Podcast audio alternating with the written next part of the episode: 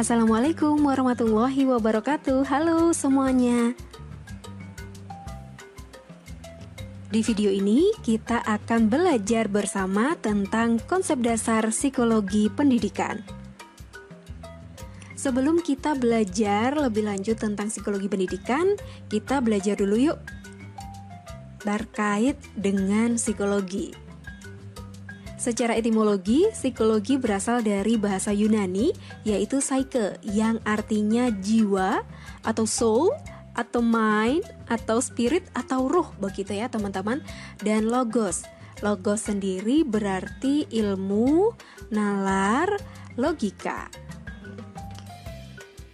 Menurut Bruno di tahun 1987, bukan Bruno Mars ya.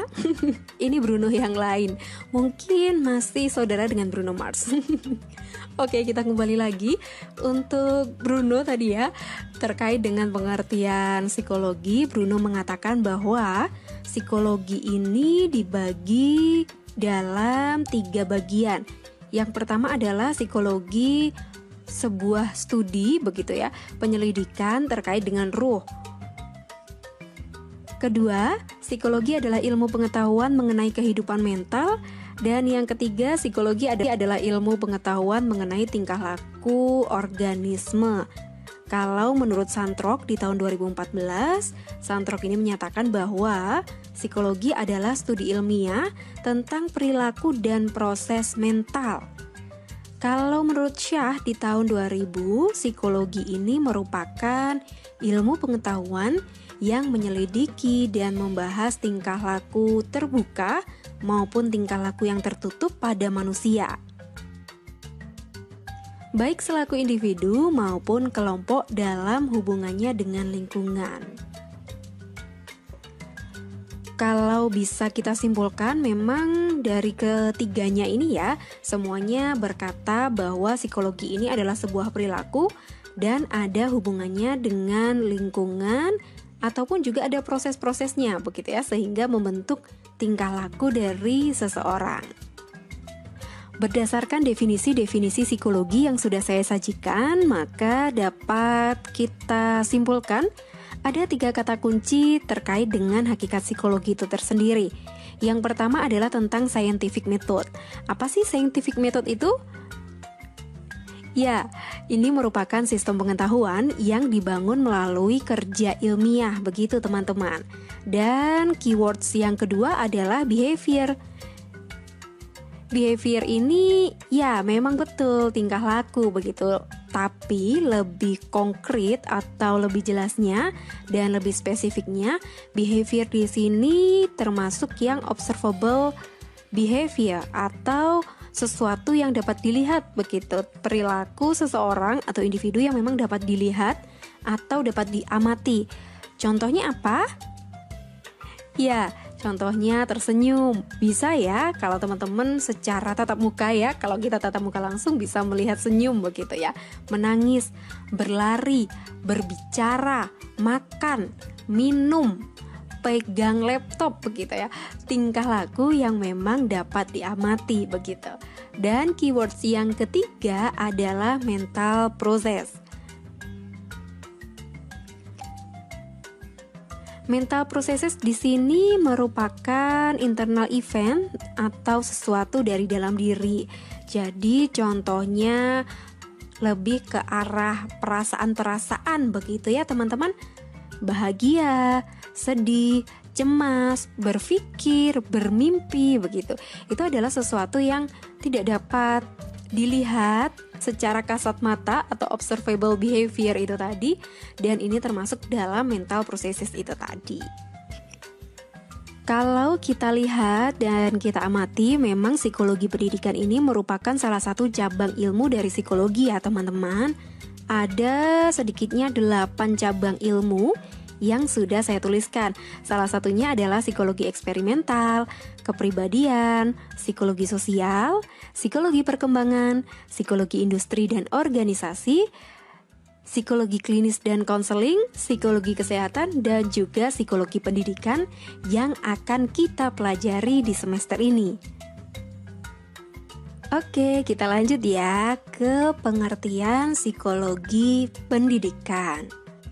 Psikologi pendidikan atau educational psychology ini merupakan salah satu studi mengenai tingkah laku manusia dalam kegiatan belajar dan pembelajaran.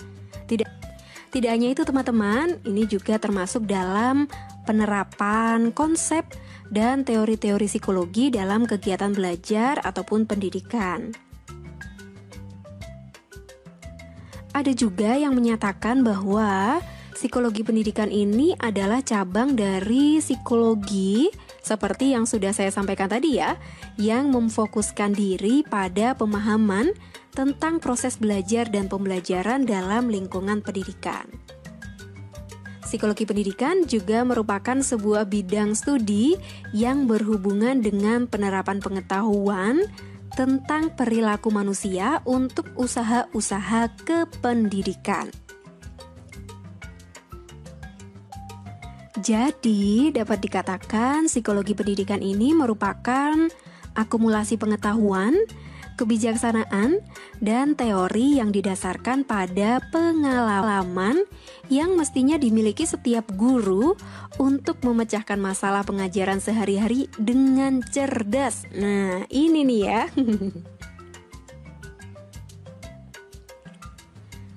Psikologi pendidikan tidak dapat memberitahukan kepada guru apa yang harus dilakukan nih teman-teman tetapi dengan kalian mempelajari psikologi pendidikan, ini dapat memberikan prinsip untuk digunakan dalam mengambil keputusan yang lebih baik tentunya. Gimana nih sampai detik ini sudah ada gambaran sebenarnya seberapa penting sih psikologi pendidikan ini? Nah, gimana teman-teman? Sudah terasa belum nih manfaat atau pentingnya kita mempelajari psikologi pendidikan? Supaya makin mantep lagi nih, Bu Novi akan berikan sebenarnya psikologi pendidikan ini punya peran apa sih? Yuk kita simak satu-satu. Nah, teman-teman, terkait dengan peran psikologi pendidikan tersendiri, memang ada banyak ya perannya dan di sini Bu Novi akan sampaikan delapan perannya. Antara lain yang pertama adalah menentukan strategi dan metode pembelajaran. Kalau teman-teman sudah tahu karakteristik peserta didik yang ada di kelasnya, bagaimana membuat kelas ini lebih efektif, efisien, begitu ya. Ini nanti tentunya teman-teman dapat menentukan strategi dan metode apa di dalam pembelajarannya. Nah, ini tentu bisa jadi setiap kelas itu akan berbeda metode dan juga strateginya. Karena setiap kelas itu memiliki karakteristik yang berbeda-beda dan selanjutnya guru dapat menentukan strategi dan juga metode pembelajaran sesuai dengan kebutuhan kelas masing-masing. Yang kedua adalah mengevaluasi hasil pembelajaran. Jelas ya, jadi kalau kita sudah ada strategi, metode, lalu keluar hasilnya, maka kita dapat mengevaluasinya. Apakah memang sebelumnya strategi dan juga metode itu memang sudah tepat sasaran begitu ya, sudah sesuai dengan karakteristik dari kelas tersebut dan juga dari hasil pembelajaran ini kita bisa mengevaluasi nih kalau misalnya nilainya turun semuanya. Nah, nanti ada kaitannya dengan motivasi belajar yang akan kita bahas nanti ya. Peran psikologi pendidikan yang ketiga adalah membentuk kepribadian dari pendidik. Kepribadian pendidik ini memberikan pengaruh yang amat besar bagi sikap, karakter, maupun hidup belajar dari seorang peserta didik atau siswa nantinya nantinya. Sehingga seorang pendidik sebelum mengajar maka ia perlu mengetahui kepribadian dari dirinya sendiri dulu nih teman-teman. Dan psikologi pendidikan sebagai sebuah disiplin ilmu yang mengkaji pengembangan semua potensi dan kecakapan yang dimiliki oleh peserta didik dalam interaksi antar individu dan tentunya juga dapat membantu pendidik atau guru nantinya untuk mempunyai pemahaman yang baik tentang diri sendiri, sehingga melalui pemahaman terhadap diri sendiri inilah seseorang guru nantinya dapat mengajar secara bijaksana. Tentu ini bukan sesuatu yang mudah ya teman-teman Tidak serta-merta satu dua kali mengajar kita dapat membentuk kepribadian diri kita begitu. Tetapi dengan cara belajar terus-menerus menggali ilmu, tidak putus asa, maka teman-teman tentunya nanti dapat menjadi seorang pendidik yang bijaksana. Peran yang keempat adalah membentuk prestasi belajar. Jadi, ketika kita sudah memberikan yang optimal, kepada peserta didik, maka peserta didik nantinya juga akan memiliki prestasi belajar yang optimal juga. Peran yang kelima adalah memahami perbedaan siswa. Jelas ya bahwa dari psikologi pendidikan ini guru atau pendidik nantinya juga dapat lebih memahami bahwa siswa ini punya karakter ataupun sifat bawaan yang memang berbeda-beda.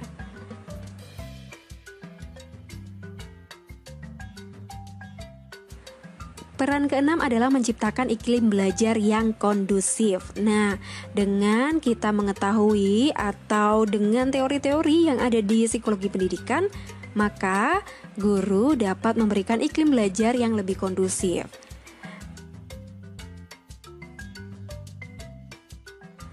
Peran yang berikutnya adalah mengetahui keadaan emosi. Dengan mengetahui keadaan emosi seseorang, ini pendidik dapat memahami dan tentunya juga memperlakukan seorang peserta didik atau siswa dengan bijaksana. Jadi sebenarnya ini juga ada kaitannya nih teman-teman dengan peran yang kelima tadi ya. Apa? Masih ingat? Iya, terkait dengan memahami perbedaan siswa. Jadi, ini masih ada kesinambungan begitu. Dan emosi ini adalah suatu keadaan jiwa yang dapat sangat berpengaruh bagi keadaan belajar peserta didik. Teman-teman bisa deh browsing hubungan atau pengaruh antara pengelolaan emosi begitu ya dengan keadaan belajar atau prestasi belajar dari seseorang. Pasti sudah banyak sekali penelitian-penelitian terkait hal itu. Nah, jika keadaan emosinya stabil, maka ia dapat belajar dengan baik. Begitu juga sebaliknya. Peran psikologi pendidikan yang terakhir adalah meningkatkan motivasi belajar. Ini juga masih ada kaitannya dengan mengetahui keadaan emosi dan juga memahami perbedaan siswa sih teman-teman.